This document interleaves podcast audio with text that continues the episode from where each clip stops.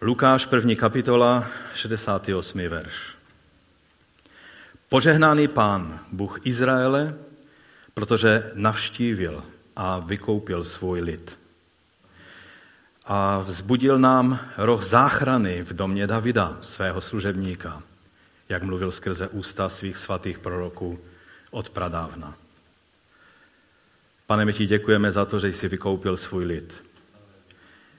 Že jsi vzbudil roh záchrany. Že tvé království, jako ten roh záchrany z domu Davida, přišlo na tento svět. Že ty jsi přišel na tento svět. Že ses nezastavil před křížem. My ti za to děkujeme a my tě chválíme a pomoz nám, pane, přijmout a pochopit tvé slovo. Kež se stane životem v nás. O to tě, Otče, prosíme ve jménu Ježíše Krista. Amen. Amen. Můžete se posadit? Jak jsem už řekl, v pátek a stále je to aktuální, vlastně celé, celý ten velký týden, tak prožíváme ve znamení toho, že jsme společenstvím vykoupeného lidu. Že jsme vykoupeni hospodinovi.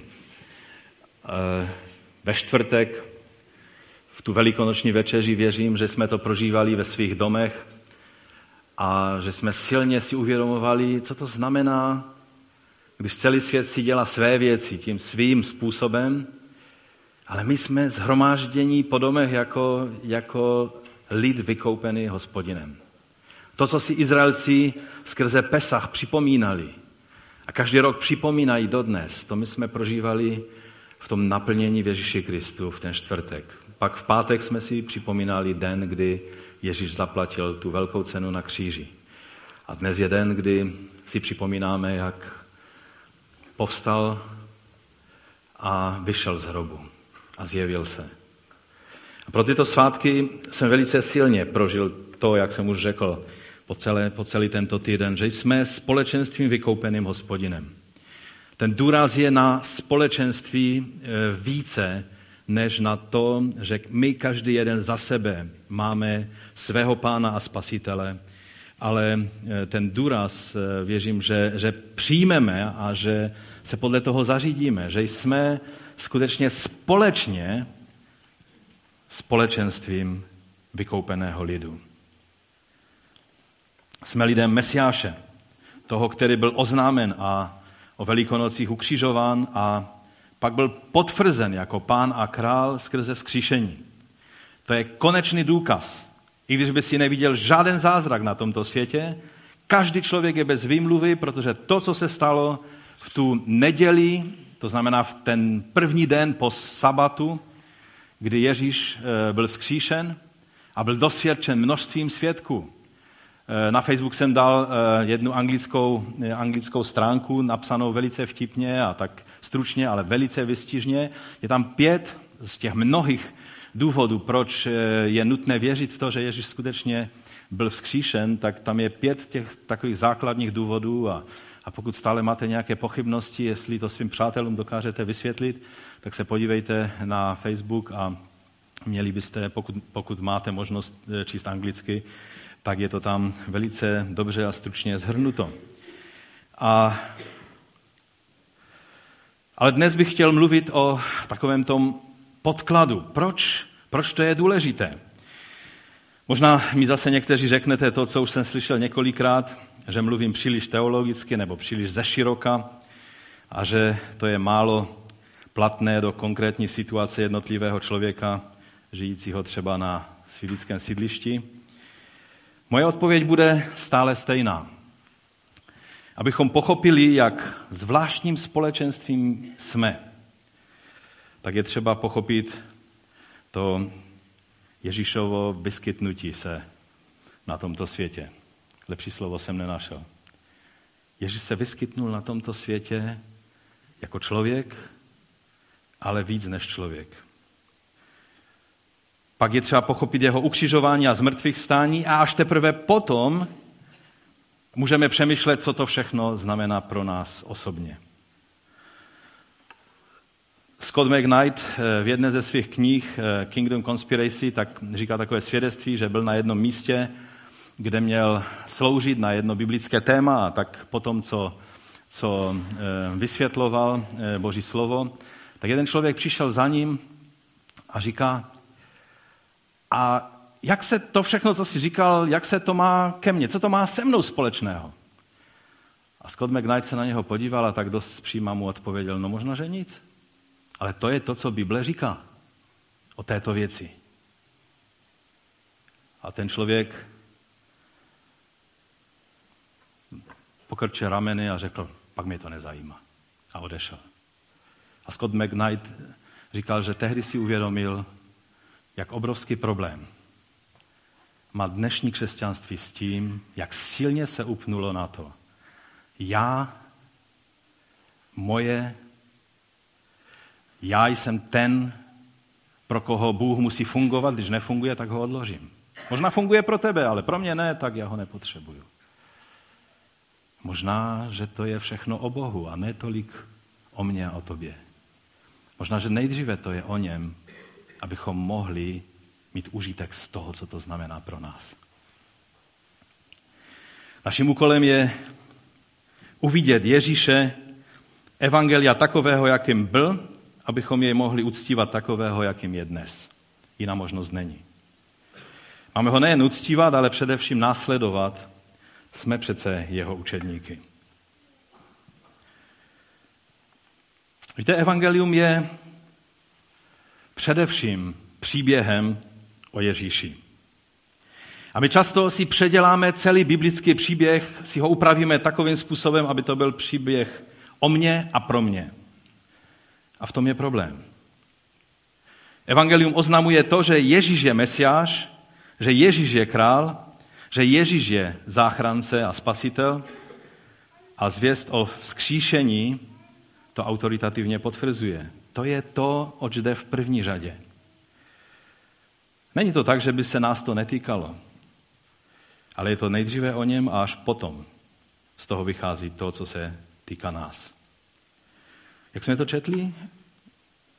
V tom chválospěvu Zachariáše, otce Jana Kštitele. Požehnaný pán Bůh Izraele. Kde jsem v tom já? Požehnaný je pán Bůh Izraele. Protože navštívil, on navštívil, on vykoupil svůj lid. On nám vzbudil roh záchrany v domě Davida svého služebníka, jeho služebníka. Jak mluvil on skrze ústa svých svatých proroků od pradávna. Je to všechno nejdříve o něm a potom o tobě. A nakonec i o mně, díky Bohu. Já vím, že to je vánoční text a nebojte se, nespletl jsem si svátky, já jsem popleta a často něco spletu a zapomenu a tak dále, ale, ale tento text je tak velikonoční, jak jen může být. Vykoupení, o kterém on mluví, o vykoupení lidu, o rohu záchrany, čili o příchodu Božího království, Zachariáš, otec Jana Kštitele, prorokoval a mluvil jazykem, který mnohdy my, křesťané, tak trošku přeskočíme, protože to je tak židovské a tak starozákonní, že my rychle to přeskočíme, abychom už šli k těm novozákonním věcem. To je ten nejnovozákonštější verš, který může být v Novém zákoně.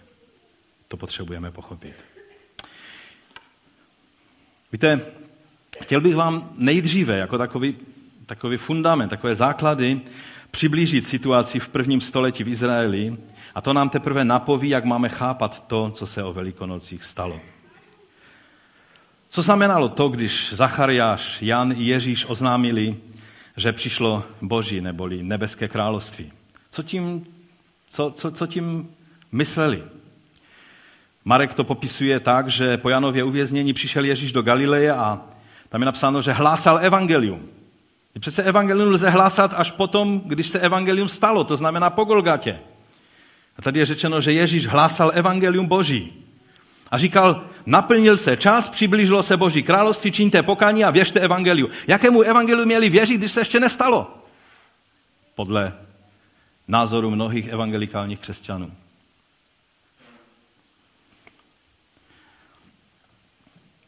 Tady v tom jediném, eh, verši vidíme, jak, jak potřebujeme se zamyslet a zastavit a uvědomit si, jestli slova a termíny, které používáme, evangelium, když říkáme lidem evangelium, co jim říkáme? Říkáme jim totež, co říkal Zachariáš ve svém proroctví, totež, co říkal Jan, totež, co říkal Ježíš? Někteří křesťané jsou dost překvapeni, když pak čtou nový zákon a přijdou na místa, jako například zase u Marka ve druhé kapitole. Je napsáno, že Ježíš eh, viděl jejich víru. To je v té situaci, kdy ti čtyři chlapi, když viděli, že je Ježíš v Kafarnaum a že, a že uzdravuje a že pomáhá lidem a že slouží a vyučuje a byl tam velký zástup zhromážděný a oni, oni běželi po svého kamaráda, ten byl vykulený z toho, co s ním dělají, oni ho rafli na nosítka a, a, a nesli ho e, do toho domu, kde byl Ježíš, tam viděli, že prostě ten dav je tam nepustí, tak rozebrali střechu, spustili ho k Ježíši a Ježíš přerušil své kázání a a díval se na toho člověka, a díval se na ty chlapy z hora. Měl plno prachu ve vlasech, protože oni mu zhodili malém střechu na hlavu. A, a, a Marek říká, když Ježíš viděl jejich víru, ne jeho víru, jejich víru, řekl ne jim, ale tomu ochrnutému, synu, tvé hříchy jsou odpuštěny. Seděli tam někteří z učitelů zákona, to byli takoví ti křesťané, kteří znají a uvažovali nás ve svých srdcích. Proč takhle mluví? Rouhá se. Kdo je mocen odpuštět hříchy, neli jediný Bůh? No právě o to jde. Měli byste spozornit a uvědomit si, co se tady děje. V, tom, v tomto textu, to jsou dva, tři verše, je na hlavu postaveno hned několik věcí, které tak často tvrdíme. Pokud člověk musí mít osobní víru, že, jak, jak hodně zdůrazňujeme, a já proti tomu nic neříkám, tak ale potom, jak to bylo s tím člověkem, za kterého měli víru jeho kamarádi? Máte na to někdo vysvětlení? Já ne.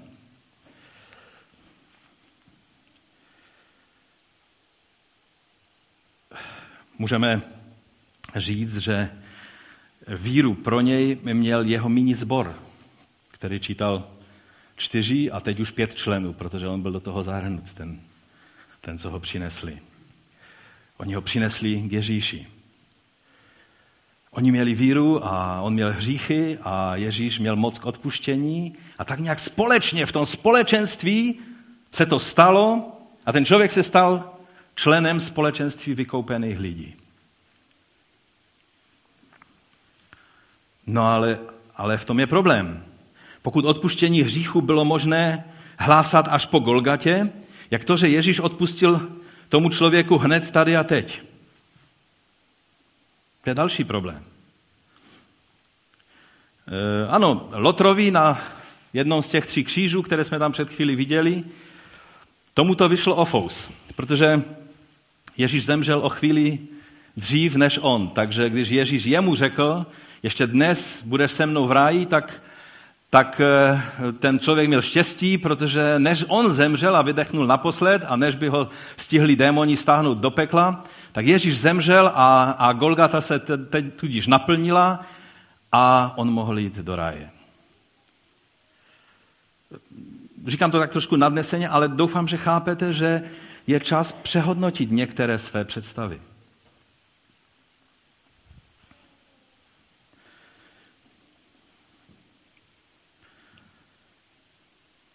Co když ten člověk zemřel před Golgatou?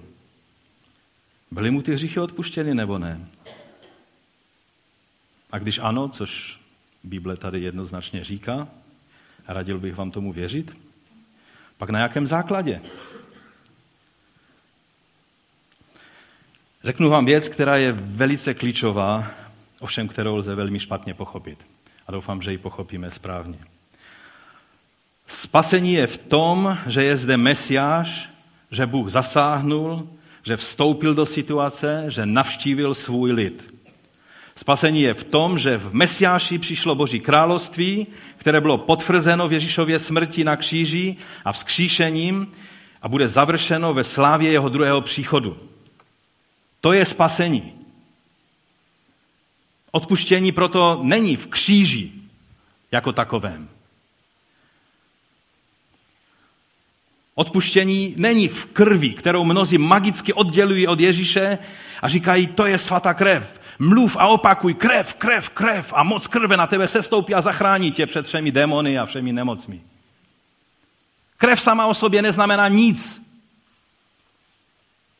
Pokud by to nebyla krev, která byla součástí lidského života Ježíše Krista, Mesiáše a Pána. To, co se počítá, je On.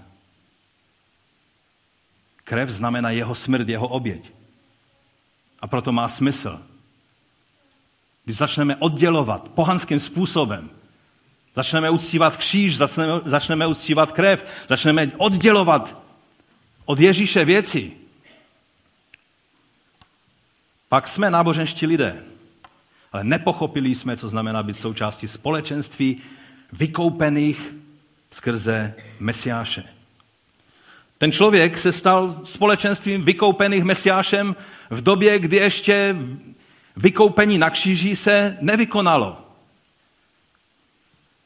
Ale to, co platilo, bylo, že nad jeho nosítkama se postavil Mesiáš a pán.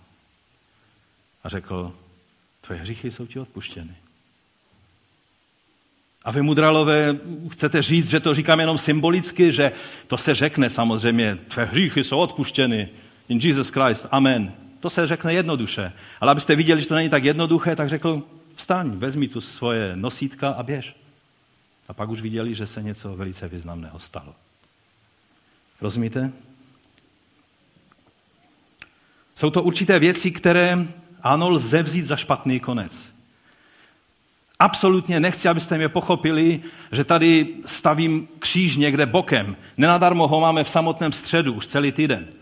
Protože kříž a to, co se stalo na kříži, je klíčové. Ale bez Ježíše, když někdo veme kříž, tu událost, která se stala na kříži, a s tím běží celý život, pak vám chci říct, že nepochopil, co skutečně se stalo.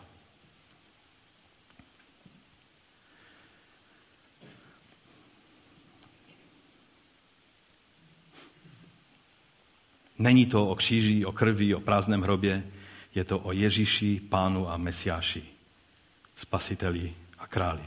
Bylo to tak v momentě toho, kdy ten chromý člověk prožil odpuštění hříchu před Golgatou v Mesiáši, tím, že se stal součástí, nazvěme to, stal se součástí akčního plánu společenství odhodlaných mesiánských přátel, to je popis církve, jinak, kdybyste nepochopili. To zopakuju, jo? Akčního plánu společenství odhodlaných mesiánských přátel. To jsou lidé, kteří jsou spasení. Ti ho dostali do společenství Ježíše a to společenství je společenstvím vykoupených hospodinovi. Rozumíte? O to jde. Mimo tohle společenství, mimo tyhle konexe, mimo tyhle vztahy, mimo tohle o čem mluvíme, spasení není. Neexistuje univerzální osobní spasitel někde v kosmu, zlatý střed, pevný bod vesmíru. Existuje Mesiáš a Pán, který byl zaslíben Izraeli, který přišel vykoupit svůj lid a my máme to štěstí, že Bůh do toho zahrnul i ostatní národy a my jsme z těch národů a jsme vděční pánu a děkujeme Bohu za Židy a děkujeme Bohu za za Mesiáše a Pána a že nám dovolil ze své milosti být do toho zahrnutí. Amen? Abychom to správně pochopili, co to vůbec znamená, ty věci, které jsem teď tak trošku provokativně říkal, tak se musíme podívat na otázky a odpovědi, které si kladli lidé v době zjevení se Pána Ježíše Izraeli. Židé si tehdy kladli e, několik otázek, takové čtyři základní. Za prvé, jako každý člověk, říkali si, kdo vlastně jsme? A odpověď byla jednoduchá. Jsme Izrael. Jsme vyvolený lid Bohem stvořitelem. Druhá otázka, kde jsme? Jsme ve svaté zemi, byla odpověď. Naše zaměření je na chrám, který nám dal Bůh, ale paradoxně stále ještě jsme ve vyhnanství, i když v Jeruzalémě. Stále jsme v exilu, protože stále jsme ještě plní hříchu. Boží přízeň nad námi není. Třetí otázka, kde se stala chyba? Kde je chyba? Odpovídali si většinou, za prvé máme špatné vládce, to si říkají lidé vždycky na prvním místě, a ono většinou to je pravda. Jsou to pohané, kteří nám vládnou na jedné straně, židé, co činí kompromisy s těmi pohany na straně druhé, a mezi tím tak na půli cesty máme Heroda, megalomana a jeho rodinu. Jsme ve velice neutěšené situaci. Takhle, takhle chápali tu svoji situaci v prvním století, v době, kdy přišel pán Ježíš na tento svět. A když si položili čtvrtou otázku, jaké je proto všechno řešení, tak ta odpověď u nich byla velice jednoznačná. Náš Bůh musí znovu zakročit. Po těch staletích mlčení je čas, aby Bůh promluvil, aby zakročil, aby nám dal pravého vládce. To jest, aby on sám královal skrze ustanovené vládce, pravého velekněze a pravého krále. A než se tak stane, tak my jako boží lid a Izrael máme být co nejvíce věrní smlouvě, kterou Bůh s námi uzavřel. To byly odpovědi, které si dávali na ty otázky.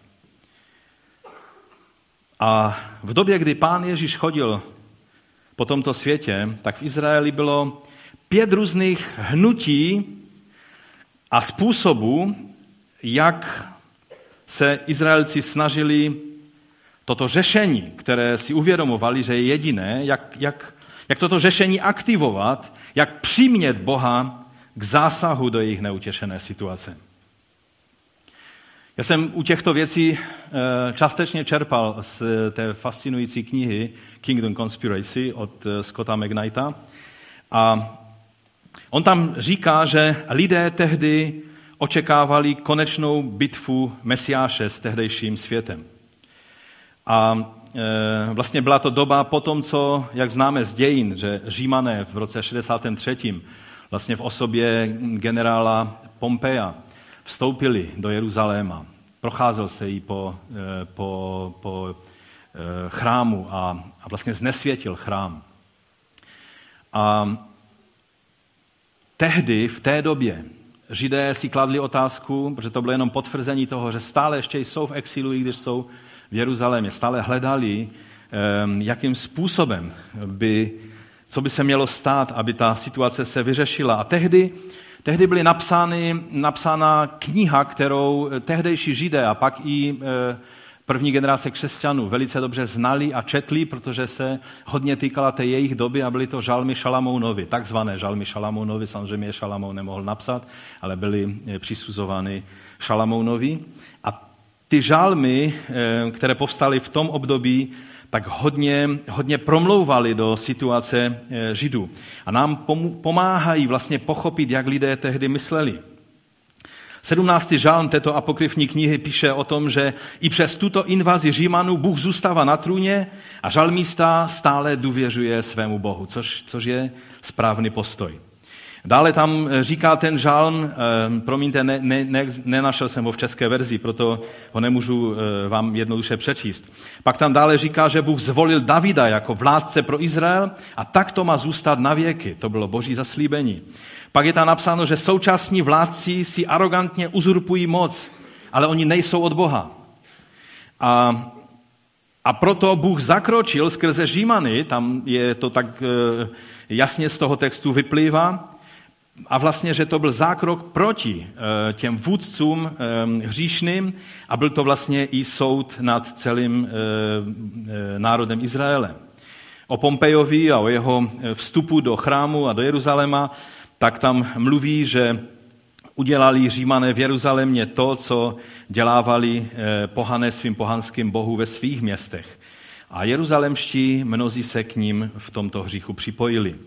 Pak je tam řeč o tom, že ti, kteří chtěli zůstat věrní, tak utekli od nich pryč. A tady je narážka na esenské, na esejce, kteří utekli do Kumránu a tam založili oddělené svaté společenství, které s tím hříchem nemá nic společného.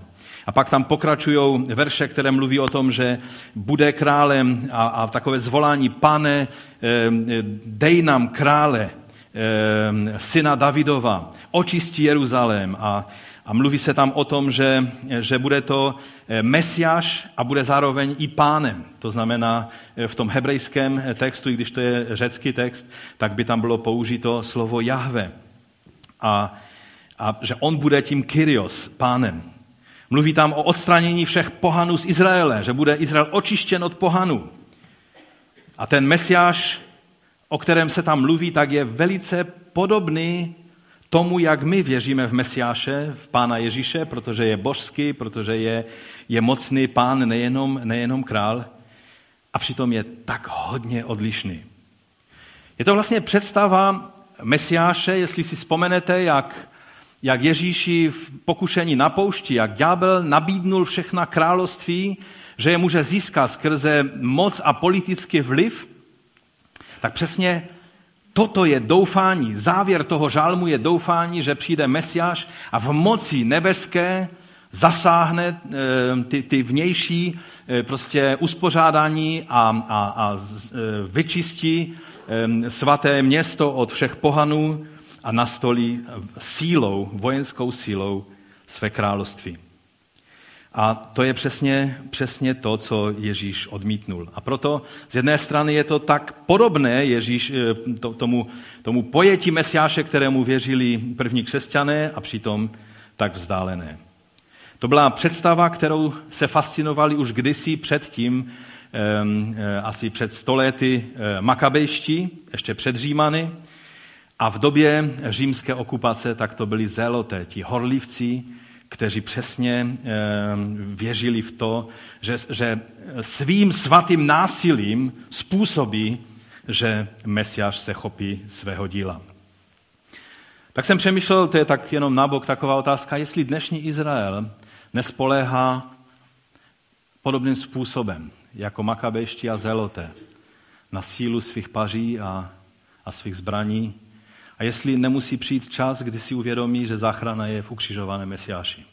A pak teprve může přijít zásah z hůry nebeského pána a krále.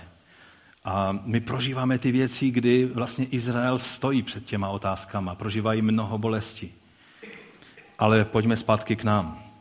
Pojďme si zhrnout těch pět způsobů hledání řešení situace. A jen jeden z nich je správný. Takže už jsem říkal, že za prvé to byli makabejci kdysi a teď to byli zéloté. Někteří z těch zélotů byli takzvaní sikarí, ehm, kteří, kteří chodili mezi lidmi s dykou pod, eh, pod paří a, a když viděli, že je vhodná situace, tak zautočili buď na nějaké kolaboranty nebo na římany, bodli je dýkou a utekli.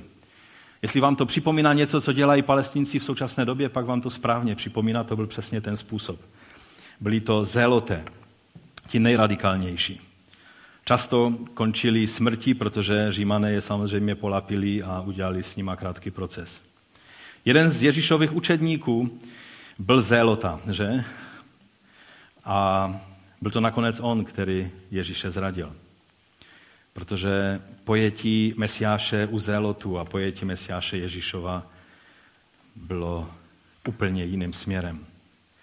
Zeloté hlásali cestu svaté války, svatého násilí. Dneska bychom řekli svatého džihádu. A Ježíšův názor na násilnou cestu doufám, že není třeba na tomto místě složitě vysvětlovat. Druhým řešením přišli, s druhým řešením přišli esenci v Kumránu.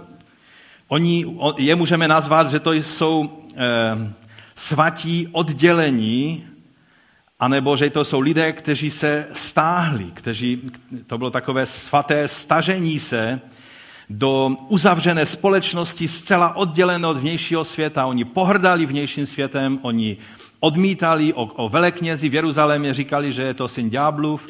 Oni prostě absolutně nechtěli nic mít s vnějším světem, ehm, založili alternativní uzavřenou skupinu svatých, měli, měli své způsoby, jak žili a vlastně eh, o nich víme z kumranských zápisků. Oni vlastně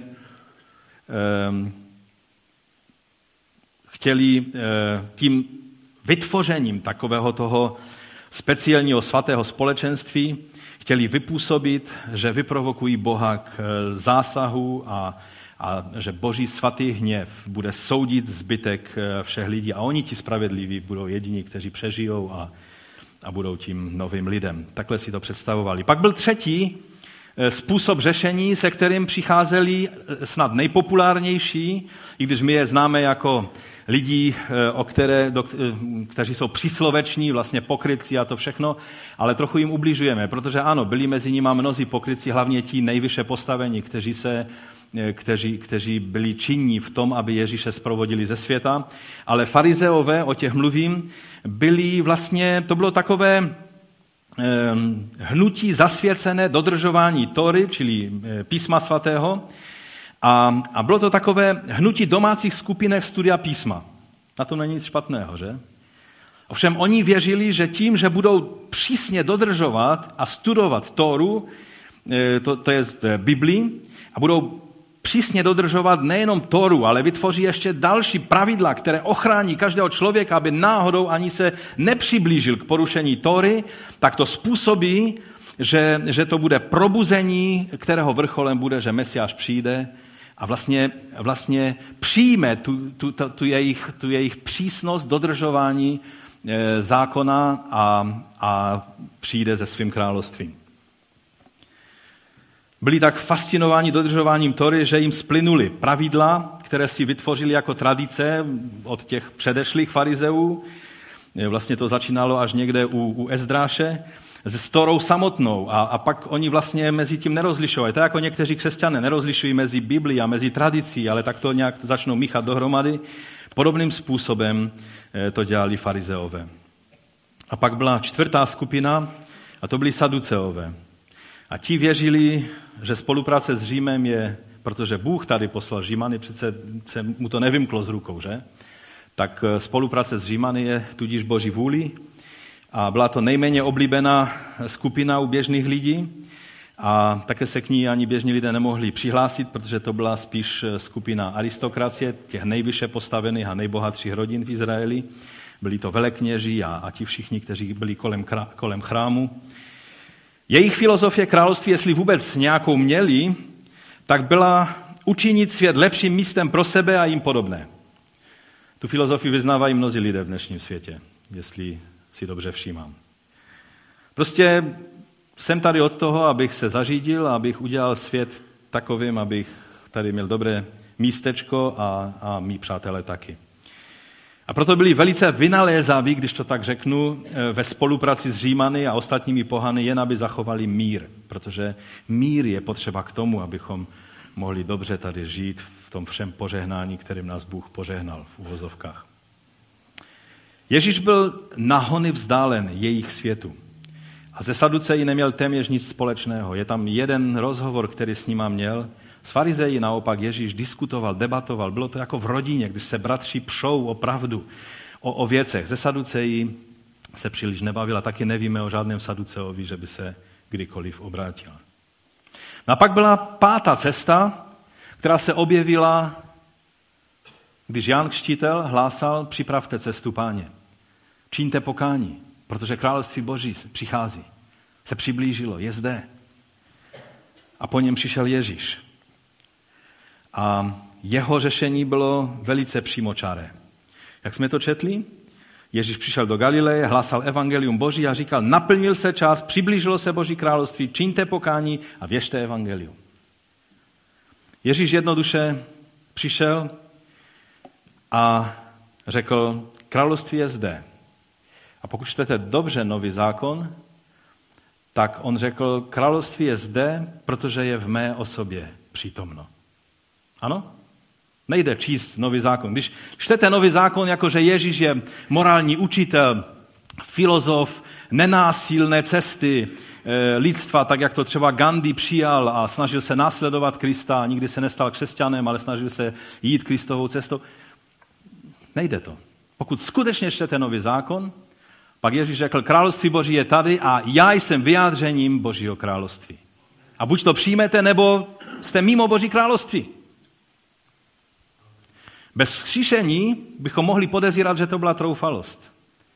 Ale vzkříšení vyjadřuje to, že každé slovo, které Ježíš řekl, bylo pravdivé a ty a já a celý svět musí se k této jednoduché pravdě postavit čelem. Každý člověk. Království je zde v mé osobě, ale teď poslouchejte, co tím všechno Ježíš řekl. Ne jako výsledek zelotského či makabejského boje po způsobu svatého džihádu.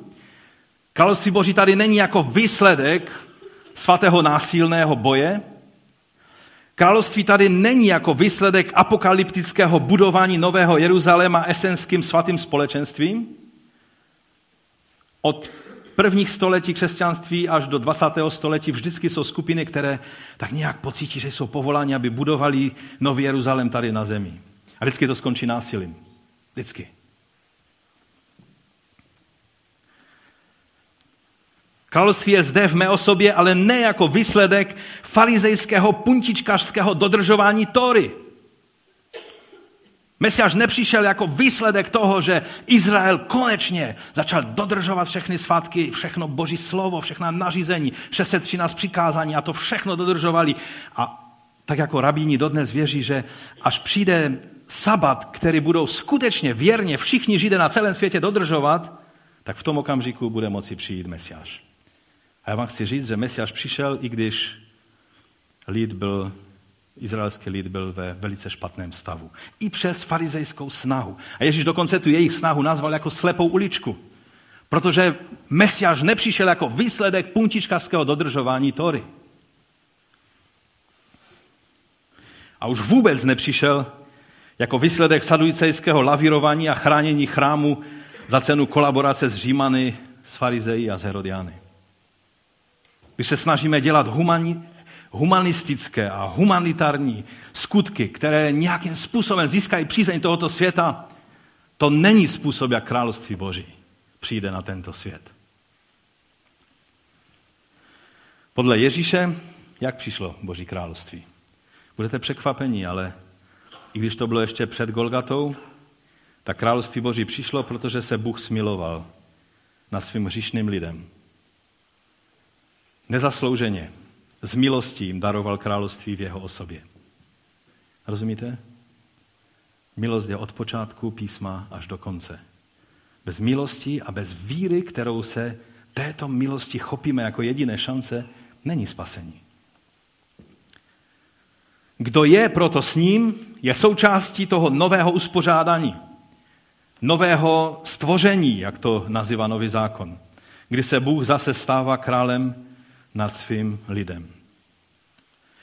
To, co ale museli pochopit, bylo, že to neznamená, že Bůh jen tak mávnul rukou nad hříchem Izraele a o národech už ani nemluvě. Musela být zaplacená strašlivá cena. Ta byla zaplacena jim samotným na Golgatě. O tom jsme mluvili v pátek. Tou obrovskou ironii, kterou svět se chtěl vysmat Ježíši, Bůh s tou udělal hlubší ironii. Že každé slovo, které říkali, si, říkali o něm, jsi král židů, jsi král izraelský, ha, ha, ha. Ale Bůh řekl ano, víc než izraelský. I vaším, i vaším králem. I když jste poddaní římskému císaři, a voláte Cezar je pán, od teď platí Ježíš je pán. On je ten Kyrios. Ale protože to bylo tak drasticky jiné než ty všechny populární teorie, tak se muselo stát něco, co ty všechny zmatené učedníky a následovníky přesvědčilo bez zbytku pochyby. No a jsme u prvního dne po sabatu, ve svatém týdnu svatku paschy a nekvašených chlebů. Časně ráno Ježíš vítězí nad smrtí. Zjevuje se postupně ženám.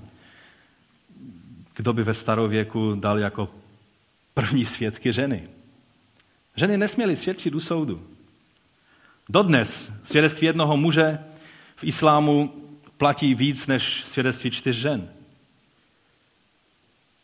Ženy byly prvními svědky. Pak Petr.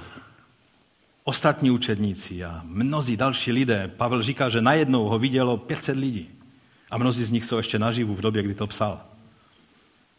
Pak odešel na nebesa, se síla jako potvrzení přijetí jeho oběti před Bohem Otcem svého svatého ducha. A to všechno mění učedníky z těch váhajících a zmatených lidí, kteří jenom stále s otevřenými ústy se dívali, co se to vlastně děje a, a co to ten Ježíš mluví a co to, co to dělá a, a co to znamená, jak se to má snímat, co, co všechno to znamená.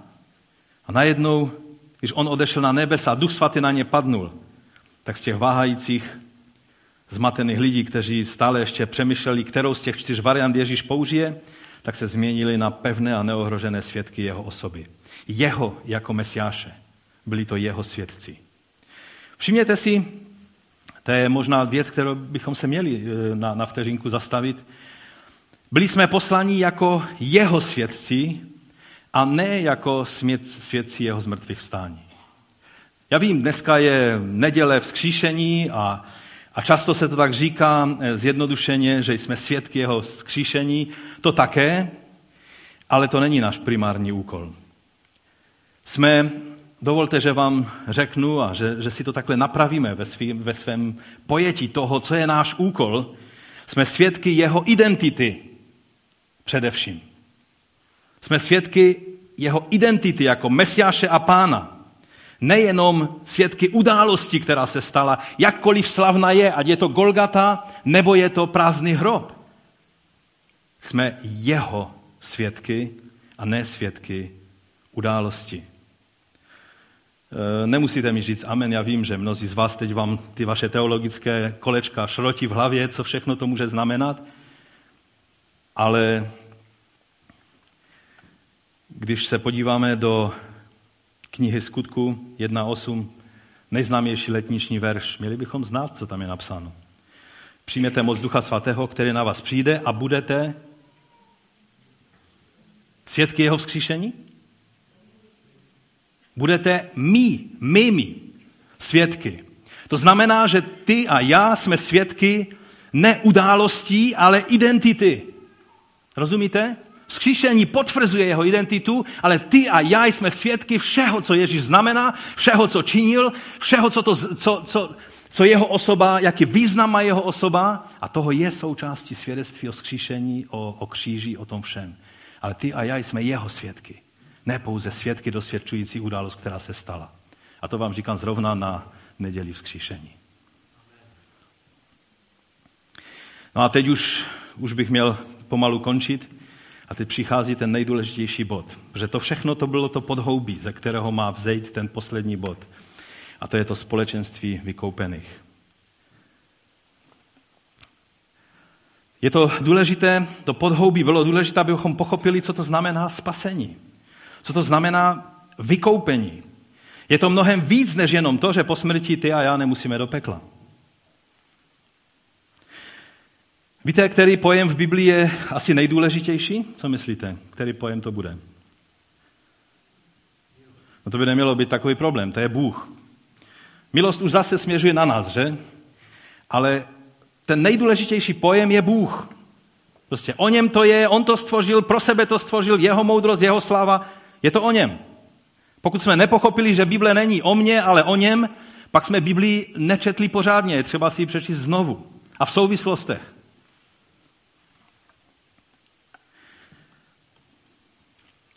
No a to slovo Bůh se dá rozdělit na Otce, Syna a Ducha Svatého. Už v tom slovu Bůh je společenství. Rozumíte? Často říkám, že dokonalost Boží znamená, že když Bůh je sám, tak není sám, protože Bůh řekl, že není dobré být sám. A když není dobré být sám a on v celé věčné minulosti byl sám, tak by něco tady neštimovalo. A proto to, to důležité pojetí Boha, čím se liší vlastně od Allaha, islámu, tak právě v tom, že Bůh, když je sám, není sám, ale společenství lásky je v jeho bytosti. No a které bude druhé nejdůležitější slovo? To už jsme blíž té milosti. Ale je to, dovolte, že vám eh, navrhnu, že je to lid. Boží lid. kterého se týká to, že Bůh je a že nám dává písmo. Je to lid ve smyslu boží lid. A tohle také můžeme rozdělit na tři části. Je to Izrael, je to církev a je to království boží. Je to, tohle je společenství těch, kteří jsou vykoupení. Individuální a individualistická cesta, já, můj osobní spasitel, Ježíš je z biblického pojetí velmi zvláštní a je spíše vytvoren sobecké západní společnosti, ale ne Božího slova.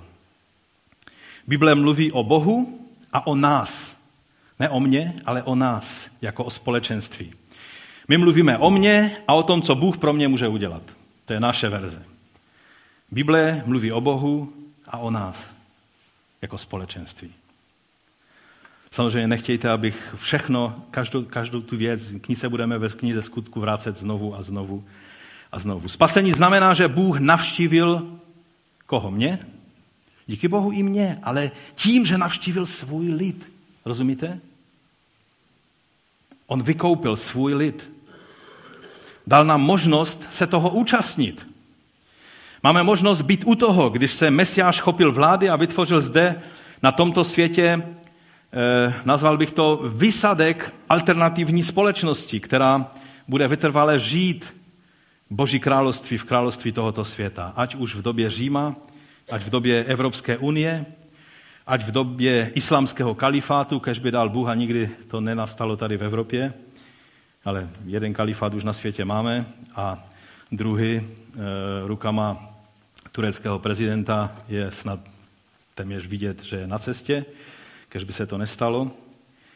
Ale v tom všem, v těch královstvích tohoto světa, my jsme povoláni, abychom žili království Boží v těch, v těch komunitách, v těch, v těch komunitách, které jsou jakoby vysadkem, tak jako, jako vysadkaři z Anglie, když je poslali za druhé světové války. Tady všude byl Reich.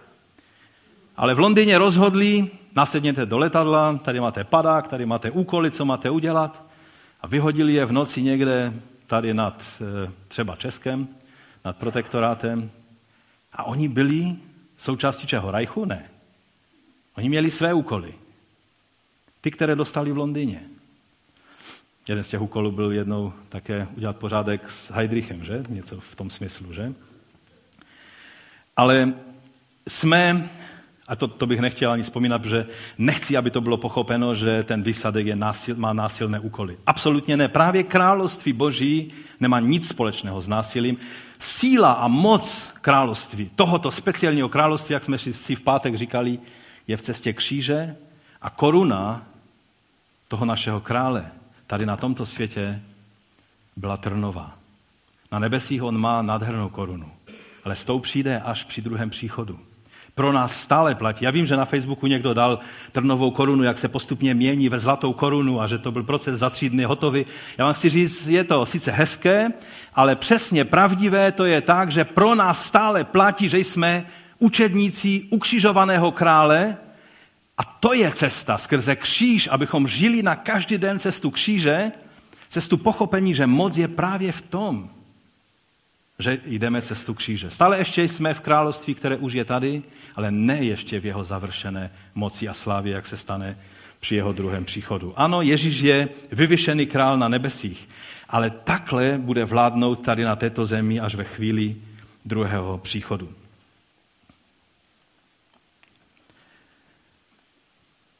A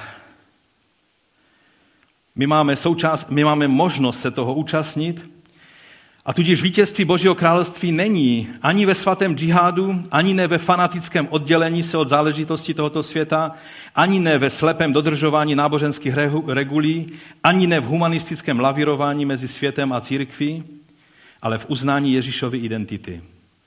My jsme svědky jeho identity. Vyznání ho před světem a následováním ho jako svého pána a záchrance. Co to pro nás znamená prakticky? Tím bych chtěl zakončit. Především to, že to máme žít v onom společenství vykoupených. Že máme vytvořit společenství, tu alternativní společnost toho výsadku Božího království uprostřed světa, který je e, královstvím úplně jiným. Máme být tou prodlouženou rukou, promiňte, máme být tělem Mesiáše. Nemáme tolik řešit to, proč je v tomto světě tolik nespravedlnosti, násilí, chudoby a nerovností, ale máme žít spravedlnost, štědrost, rovnost a odmítat násilí v tom společenství, které vytvořil Ježíš, to znamená ve, eh, ve své církvi. A když toto budeme věrně žít, bude mnohem více lidí, kteří zatouží po tomto životě.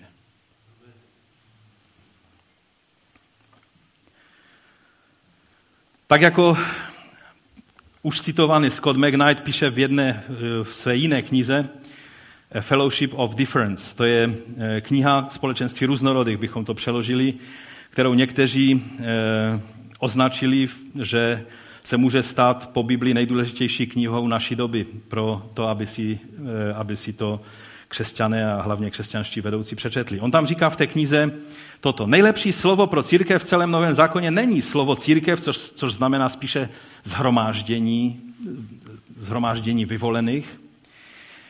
Nejlepší slovo pro církev je společenství, což jednoduše vyjadřuje to, že sdílíme společně své životy jedni s druhými. To je přesně to, co se stalo s prvními křesťany, když je duch boží mrsknul dohromady všude po celém římském impériu do takové prazvláštní společné krabice různorodých. To je věta hodně provokativní, ale víte, být součástí církve znamená, že vedle mě bude někdo, kdo se mi vůbec nemusí líbit, kdo něk, některé věci, jeho názory a způsob, jak vě... to všechno mi může lez na nervy.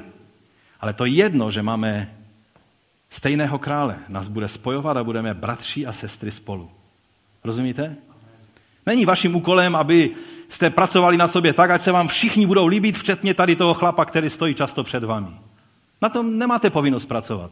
A stejně budu vaším bratrem. Rozumíte? Prostě nás Bůh dal dohromady a jsme součástí lidu, který je vykoupený a který má mnohé věci společné, ať si to uvědomujeme nebo ne. A když už teda máme být spolu, tak moudrý člověk by si řekl jako moudrý manžel, když mám celý život žít s tou manželkou, zkusme se dát dohromady tak, aby ten život byl pro nás příjemný. Hloupí manželé se budou celý život žrát a hádat a přitom mají celý život před sebou. Moudří manželé si řeknou, já vím, že ty mi nerozumíš, já nerozumím tobě, ale pojďme, pojďme ten život žít tak, aby nám bylo příjemně spolu. No a výsledek je úspěšné manželství. Je to podobně i s církví. Nejsem sám, co přirovnává manželství ke společenství vykoupených. Všude, kde je místní církev, a to platí i pro tak malé společenství, jako je stanice třeba v Opavě, je to vlastně taková kolonie Božího království. Uprostřed světa všech jiných království. Je to společenství vykoupených pro Boží království. E, co to je slovo, co znamená slovo kolonie? Teď nemyslím o, o, o britských koloniích po celém světě, nad kterými nikdy slunce nezapadalo, ale myslím to, jak, jak v biblické době, třeba ve skutcích 16. kapitole, když je napsáno, že odtamtud do Filip odjeli, které jsou předním městem této části Makedonie a jsou římskou kolonií, říká e, Lukáš, v tomto městě jsme strávili několik dní. Ve skutcích se vyskytuje více měst, která byla pod římskou, e, byla vlastně e, římskou kolonií, ale pouze o Filipis Lukáš to tak nějak vypichuje, protože toto město bylo nejvíc romanizováno, nebo pořímštěno, že bychom mohli říct, ze všech, co se tam, eh, ve všem, co se tam dělo. Všechno bylo tak podobné Římu, že se tomu dalo někdy říkat, že Filipis je malý Řím. A všimněte si, že to bylo zrovna ve Filipis, když radní nechali zbičovat a, a zavřít Pavla a Silase do vězení, pak když Pavel, a Pavel věděl, v jakém městě to dělá, říká, ale my jsme, my jsme občané Říma. To vám je dovoleno takhle jenom s náma zacházet? A oni se lekli na té radnici a hned se radili a řešili to a omlouvali se jim. Protože oni tak chtěli být pořímštění, že přece nebudou římské občany, občany e, byčovat, že? Jen 15% eh, archeologové nám říkají z dochovaných nápisů ve Filipis jsou řecké nápisy, když je to řecké město a zbytek je v latině. Celý politický soudní systém byl přesně po vzoru Říma. Oni prostě dělali všechno jako v Římě. Když jste přišli do Filipis a řekli, viděl jsem, že v Římě se dělají věci tak a tak, tak na druhý den už to bylo i ve Filipis. Rozumíte? Takhle byli fascinováni tím aby dokonce někteří duchodci, bývali legionáři římští, tak šli bydlet do Filipis, protože to bylo příjemné. Nebylo tam tolik smradu jako v Římě a přitom všechny věci fungovaly jako v Římě. Sice architektura a kultura byla řecká, ale všechno běželo po systému Říma. Proč vám to říkám? Protože přesně o to jde. Máme být koloní nebeského království natolik, že budeme natolik ponebezštění, až si toho každý všimne. Rozumíte? Pokud bychom náhodou ublížili jinému členu nebeského království, pak budeme patřičně zhrození a omluvíme se mu okamžitě. Přece jsem ublížil člověku, který je součástí stejného království, jako jsem já. Je to můj bratr a sestra v Kristu. Náš jazyk má být ovlivněn královstvím nebeským, má být ponebeštěn. To ne, abychom mluvili nějakou křesťanskou latinou, ale aby naše slovo bylo ano, ano a aby naše slovo byly, aby náš jazyk a vyslovování bylo čisté a ne plné e, té špíny, která je v tomto světě. Naše politika, to znamená věci veřejné, které děláme, by měly být ponebeštěné. Naše rozsuzování věcí, to všechno by mělo být ponebeštěno. Sice naše oblečení, architektura, domy, ve kterých bydlíme a, a, a hudební styl, kterým hrajeme, možná bude místní, podle toho, jestli je to Afrika nebo, nebo Slesko. Rozumíte? Ale všechno poběží jako, jako v tom ústředí toho království. Ústředí není ani v Kolíně, ani ve Springfieldu, ani ve Vatikánu, ale v nebesích. Tam, kde přebývá Ježíš. Budeme a máme být vždycky alternativní společností, která často musí jít proti proudu těch převažujících trendů své doby. Je až příliš hodně křesťanů, kteří jdou s proudem doby, názoru. Někdo jim nakouká, že, že se něco děje a, a všichni křesťané to zbaští a jdou tou, touhle cestou.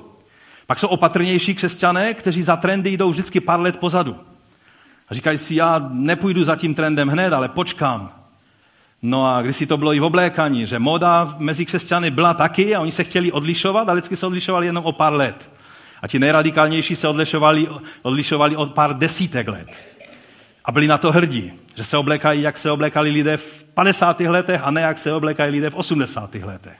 Když se nosili široké kalhoty v 80. letech, tak oni nosili kalhoty z 50. let úzké a bylo to. A když zase jsou úzké, tak zase budou nosit široké. V tom to není.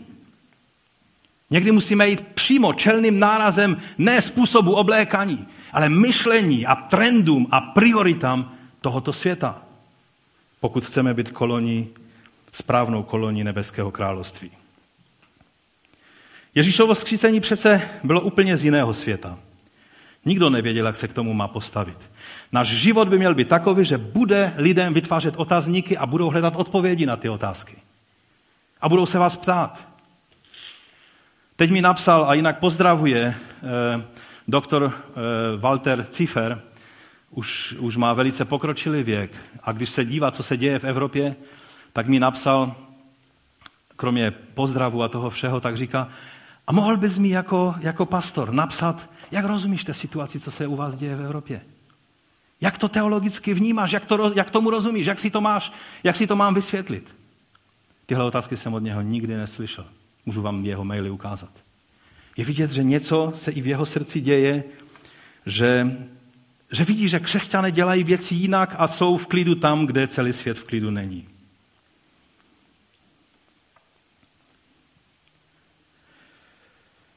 Pojďme uzavřít ten náš společný dnešní sváteční čas. Povstaňme a přečtu vám, jak, jak Pavel popisuje tuhle, tohle bytí společenstvím ponebeštěné kolonie, společenství vykoupených lidí. A píše to v listu Koloské církvi. Když jste byli vzkříšení s Kristem, říká Pavel, vztahujte se k nebeským vyšinám, nebo k těm nebeským věcem, by se dalo přeložit, kde Kristus sedí po pravici, boží pravici. To není, že se máme těšit na to, že budeme v nebi. To je, že máme přemýšlet, jak se ty věci řeší v nebeském království, aby se jeho vůle stala jako v nebi, tak i tady na zemi mezi námi. Myslete na nebeské věci a ne na pozemské. Vždyť jste zemřeli a váš život je s Kristem ukryt v Bohu. Až se ukáže Kristus, váš život, tehdy se s ním ve slávě ukážete i vy. Umrtvěte proto své pozemské sklony, smilstvo, nečistotu, vášeň, zlechoutky, hlavně chamtivost, což je modlářství. Neboť kvůli takovým věcem přichází na neposlušné lidi boží hněv. I vy jste se dříve chovali takovýmto způsobem, když jste takto žili. Teď ale to všechno, zuživost, hněv, zášť, urážky, prosté řeči, odstraňte ze svých úst. Nelžete jedni druhým, když jste již odložili své staré já a jeho skutky. A oblekli jste se do nového člověka, který se poznáním obnovuje k obrazu svého stvořitele. Zde už není žádný řek a žít, obřezaný, neobřezaný, barbar, divoch, otrok, svobodný. Všechno a ve všech je Kristus. Proto se jako boží vyvolení a svatí a milovaní oblečte niterným soucitem, láskavosti, pokorou, mírnosti a trpělivosti a buďte mezi sebou snášenliví a mali někdo k někomu výhrady, odpouštějte si navzájem. Tak jako pán odpustil vám, odpouštějte i vy. A nad to vždy buďte oblečeni láskou, která je poutem dokonalosti. Ve vašich srdcích ať vládne Kristův pokoj. Právě k němu jste byli povoláni v jednom těle. Pokoj máme prožívat v jednom těle. Buďte vděční. Křesťan je vděčný člověk. Slovo Kristovo, ať v vás přebývá v hojnosti. Dneska ta hojnost byla e, opravdu hojná. Už mluvím hodinu. Slovo ať ve vás přebývá v hojnosti. Navzájem se ve vší moudrosti vyučujte a napomínejte a z vděčnosti v srdci zpívejte Bohu žálmy, chválospěvy a duchovní písně. A cokoliv děláte, ať už ve slovech či ve skutcích, všechno to čiňte ve jménu Pána Ježíše a děkujte skrze něj Bohu Otci. Všimněte si, jak Pavel to všechno, co radí koloskému společenství vykoupených, jak se to týká jejich vztahů a jednání dovnitř sboru. Rozumíte? To všechno má souvislost s jejich prožíváním eh, boží reality dovnitř. Nelze žít principy božího království navenek, někde sám ve světě, a dovnitř společenství vykoupených to nežít. Pokud se necítíme dobře ve společenství vykoupených, pak něco je špatně. Něco jsme vzali za špatný konec. A to důležité, co musím říct na závěr, je, že Bůh ví, že nejsme dokonalí. Víte, tak jako o království božím platí, že už je zde, ale ne ještě v té dokonalé, završené podobě, stejně tak to platí i o církvi. Jsme jeho tělem, ale ještě stále máme mnoho věcí, se kterými zápasíme, ale to důležité je být na správné cestě a mít správný směr. Ještě mnohokrát, když budeš chtít uh, hřebík udeřit po hlavičce, tak se praštíš do prstu. Někdy dokonce po prstu toho, který se ti dívá na to, jak, jak ten hřebík chceš zabít. Ještě mnoho věcí uděláme špatně, ale to důležité je být na správné cestě. Pán ví, že děláš chyby. Ale důležité je, že jsi součástí společenství vykoupených. Pane, my ti děkujeme za to, že ty jsi to způsobil, že můžeme být tvým lidem. Lidem, který ty jsi vykoupil. Ty jsi způsobil, pane, že jsme součástí společenství vykoupených tvojí vlastní krví. Pane, dej, abychom toto vědomí měli, aby v tomto sboru, který, který už má mnoha desetiletí za sebou, abychom znovu čerstvě mohli pochopit, co znamená být spolu jako lid vykoupený tvojí krví. Abychom cítili víc tu sounáležnost jedni s druhými. Abychom cítili spolu, spolu zodpovědnost jedni za druhé. Abychom byli skutečně jednou rodinou, která je tím správným výsadkem, tou kolony tvého království. Pane, ať lidé, kteří tady přijdou, ať si uvědomí, že nejsou na, na podobném místě, jako je zbytek světa kolem nás, ale ať můžou uvidět, že Bůh je mezi námi, že tvoje láska, eh, vydání se, cesta kříže, že nejsou cizí věci pro nás. My tě za to chválíme, my tě vyvyšujeme za to, že dnes, v den, kdy si připomínáme tvé vzkříšení, můžeme si tyto věci připomínat. Ty, pane, dej, abychom více prakticky žili jako společenství vykoupených. O to tě prosíme a chválíme tvé jméno. Amen.